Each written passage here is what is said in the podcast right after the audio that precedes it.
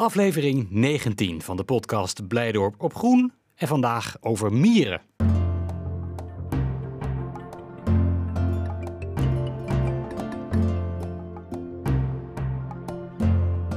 En uh, ja, inderdaad, mieren zijn geen planten. En toch gaan we het erover hebben, want dieren en planten hebben elkaar in de natuur ontzettend hard nodig. En bij mieren is dat zeker het geval. Je zou kunnen zeggen dat mieren en planten altijd uh, ja, heel prettig met elkaar samenwerken. Mieren leven in een kolonie. Er zijn dierentuinen met een mierenkolonie in de collectie. Blijdorp heeft dat nog niet. Maar wat ze hier wel hebben, achter de schermen, in de kwekerij, is een mierenplant. Laurens-Jan Nederlof. Ja, die hebt niet eigenlijk één soort mierenplant, maar eigenlijk zie je dat uh, heel veel planten zijn die omstandigheden creëren, zodat het aantrekkelijk wordt voor mieren om daar op te zitten en uh, om voedsel te zoeken. En dat is voor die plant natuurlijk best wel een uh, interessante partij, want mieren zijn best wel waakzaam en heel erg actief.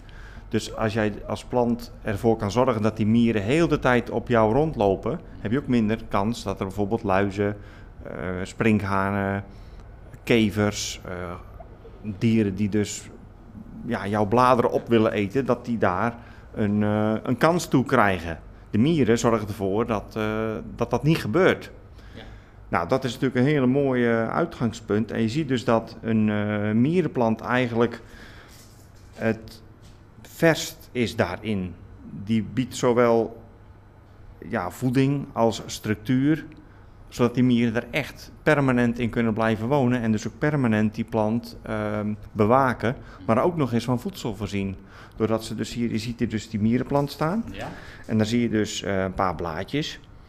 Uh, een langere stengel, maar het opvallendste zie je bij de wortel. Dat is, ja. dat is een verdikte soort bult, wortel. Een soort verdikking zit er uh, ja. aan de onderkant van de Klopt. plant. Ja, dat is uh, eigenlijk het kenmerk van uh, mierenplanten zoals Hypnophytnum en Myrmicodium. En die namen zeggen het al een beetje. planten die in samenwerking leven met mieren. Dat was ehm, in 1800 zoveel ook al gezien door door, door de eerste waarnemers, vooral in Azië. Mierenplanten zijn echt wel beperkt tot Aziatische regenwouden. Ja. En uh, Rumphius, een bekende botaan, die wist eigenlijk niet zo wat hij er goed mee aan moest. Hij zag al al die mieren in die plant mhm. zitten, maar hij begreep nog niet dat er een soort symbiose was tussen die twee uh, partijen. Ja, hij snapte niet waarom die plant niet uh, kaal werd gevreten door die mieren. Ja, en uh, waar, waar, het dan toe diende. En ja. ze dachten zelfs dat die plant met die mieren gewoon één organisme was. En hier zijn die knolvormigen nog best wel klein. Maar uh, zo'n mierenplant kan knollen produceren van 30, 40 centimeter doorsneden. En de grap is dus, als je door zou snijden, dan gaan we met dit kleintje maar niet doen. Nee, dan zie je daar, klein dus, daar dus in allerlei structuren mhm.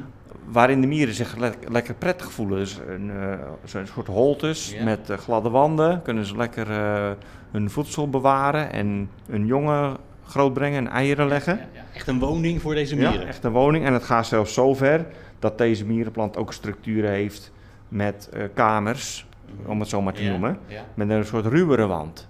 En die kamers zijn niet zo aantrekkelijk voor de mieren, maar wel om hun afval in te deponeren. En juist dat afval is weer belangrijk voor die mierenplant, omdat hij daar zijn voedingsstoffen uit kan halen. Ja. En ja, dat is wel heel bijzonder. Dus dat is eigenlijk het perfecte voorbeeld van een symbiose. Dus als je dit door midden zou snijden, dan zie je dus al die gaatjes, al die rolletjes, die, zie je, die kun je zien. Ja, kun je ook goed zien. Het leuke is wel, het, ja, het is een beetje toevallig dat we het erover hebben. Een paar weken geleden hebben we te horen gekregen dat we in het Aziëhuis uh, een, uh, twee terraria mogen herinrichten. Mhm. En dat gaan we dan doen met de Aziatische mierenplanten. Dat is natuurlijk een prima thema. Ja. Dat terrarium leent zich ook wel met licht en qua klimaat om mierenplanten te laten zien. Ja. En het andere terrarium zal gebruikt worden voor uh, Aziatische varens, uh, de sporenplanten. Maar goed, daar kunnen we het misschien een andere keer over hebben. Want je merkt, uh, met mieren is het best wel... er zijn zoveel mogelijkheden, want we hebben ook andere planten die doen het wat eenvoudiger. dat is bijvoorbeeld deze orchidee, een dendrobium. Je ziet gewoon, dat is een oude plant, een stuk dood stuk. Je ziet hier dat, ga, dat gat in die, in die ja, wortels dat rhizoom. Ja, deze valt inderdaad een beetje uit elkaar, hè? Ja, het is een beetje van de, van de museumplank afgehaald. Okay. Maar je ziet wel, dat is van binnen helemaal hol. Ja. En perfect natuurlijk voor mieren Ja. om daarin te gaan wonen. Dus dit is dan weer een orchidee. Die mierenplanten, dat is familie van de koffieachtige. Mhm. Rubiaceae, orchideeën. Bromelia's eh, uit Zuid-Amerika. Die zijn ook helemaal gek op mieren. Vooral Tillandsia's. Of ja, helemaal gek op. Je ziet dus dat... eh, Ze hebben die mieren gewoon nodig. ze hebben... Nou, niet... Ja, soms wel, soms niet. Ja, ja. De mieren hebben de plant nodig, maar andersom niet per se dus. Niet per se. Bij bromelia's is het zo eh, toeval. Het kan wel of het kan niet. En eh, ze bieden er wel ruimte voor, want hier in deze, dit is dan een soort Tillandsia. Je ziet ook echt eh, al die, die bladeren die zo dicht op elkaar zitten, maar er zit ruimte tussen hier bij de basis, in die knollen. Ja. Het is een beetje knolvormig. En er zit ook gewoon in Nederland gewoon mieren in hoor. Dit, dit plantje komt uit Amazonica.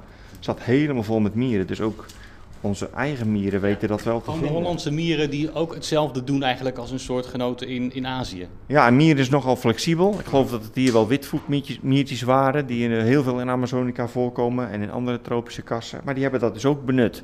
Die benutten dat gewoon, die ruimte. En eh, ja, hier zie je dat dus. Je hoort het een beetje knisperen. En tussen al die dorre bladeren. Ja, hij zat echt zo erg onder de mieren dat we het een beetje eh, hebben onderdrukt. Nu zijn ze eruit, hè? Ja, nu zijn ze eruit. We hebben ons huiswerk eh, goed gedaan. Schone, mooie planten. Maar eh, hiertussen, daar kan je wel iets bij voorstellen dat dat aantrekkelijk is voor mieren. Ja, absoluut. Nou, het, het, het voordeel van mieren op je plant verschilt dus per plantengroep. Er zijn gewoon planten die hebben hun, hun structuren mee, hun natuurlijke holte. En als er dan een mierenkoningin eh, aankomt, eh, we zullen straks in Amazonica kijken Ja. bij de bekende Cecropia. De plant kan goed zonder mieren, maar als er mieren zijn, dan eh, is dat wel heel erg van voordeel voor zo'n plant die in het regenwoud moet concurreren met andere planten. En je zegt bij die bromelia weten we niet eens precies wat voor voordeel eh, die, die mieren heeft voor de plant. Is dat bij alle planten zo, dat het eigenlijk eh, voor de plant niet uitmaakt of er wel of geen mieren op zitten?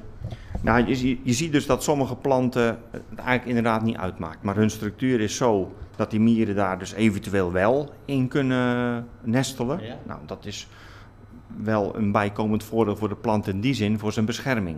Ja. Hè, die mieren bewaken hun nest en als dat eh, toevallig de plant is, dan heeft hij daar eh, geluk bij. Ja, toch een voordeeltje dus. Voordeeltje dus. En wat je ook ziet bij die mierenplanten, die Aziatische mierenplanten, daar is dat voordeel wat sterker, omdat die mieren ook eh, voeding leveren aan die plant, doordat die plant speciale structuren heeft gebouwd of Ja, bewerkstelligd Ja. om die mieren daar maar te houden.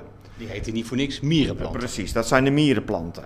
En de Cecropia in Amazonica, die hebben dus ook die structuren voor die, voor die mieren aanwezig. En, en dan zie je dus ook in de natuur dat er eigenlijk heel veel jonge koninginnen komen aangevlogen.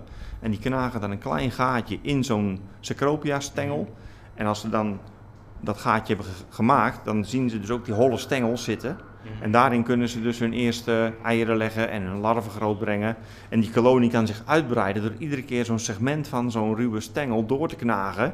En op een gegeven moment ehm, wordt heel die plant bevolkt door die mieren. En dat zijn heel fanatieke mieren. En het voordeel voor de Cecropia is niet alleen dus dat ze beschermd worden door de mieren, hè, net als bij, ja, bij de groepen die we net noemden. Mhm.